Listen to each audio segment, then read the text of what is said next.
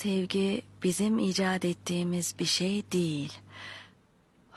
O güçlü ve gözlemlenebilir. Bir şey ifade etmeli. Sevginin anlamı var evet. Sosyal işlev, sosyal bağlanış, çocuk büyütme. Ölmüş insanları seviyoruz. Bunun sosyal işlevi nedir? Yok.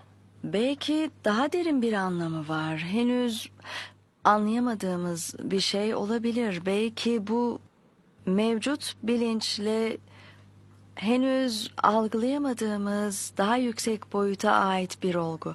Ben evrenin öbür yanına 10 yıldır görmediğim birine gidiyorum ve o büyük bir ihtimalle ölmüştür.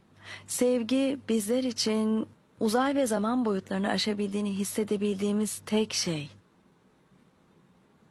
Belki de henüz anlayamamamıza rağmen buna güvenmemiz gerekir.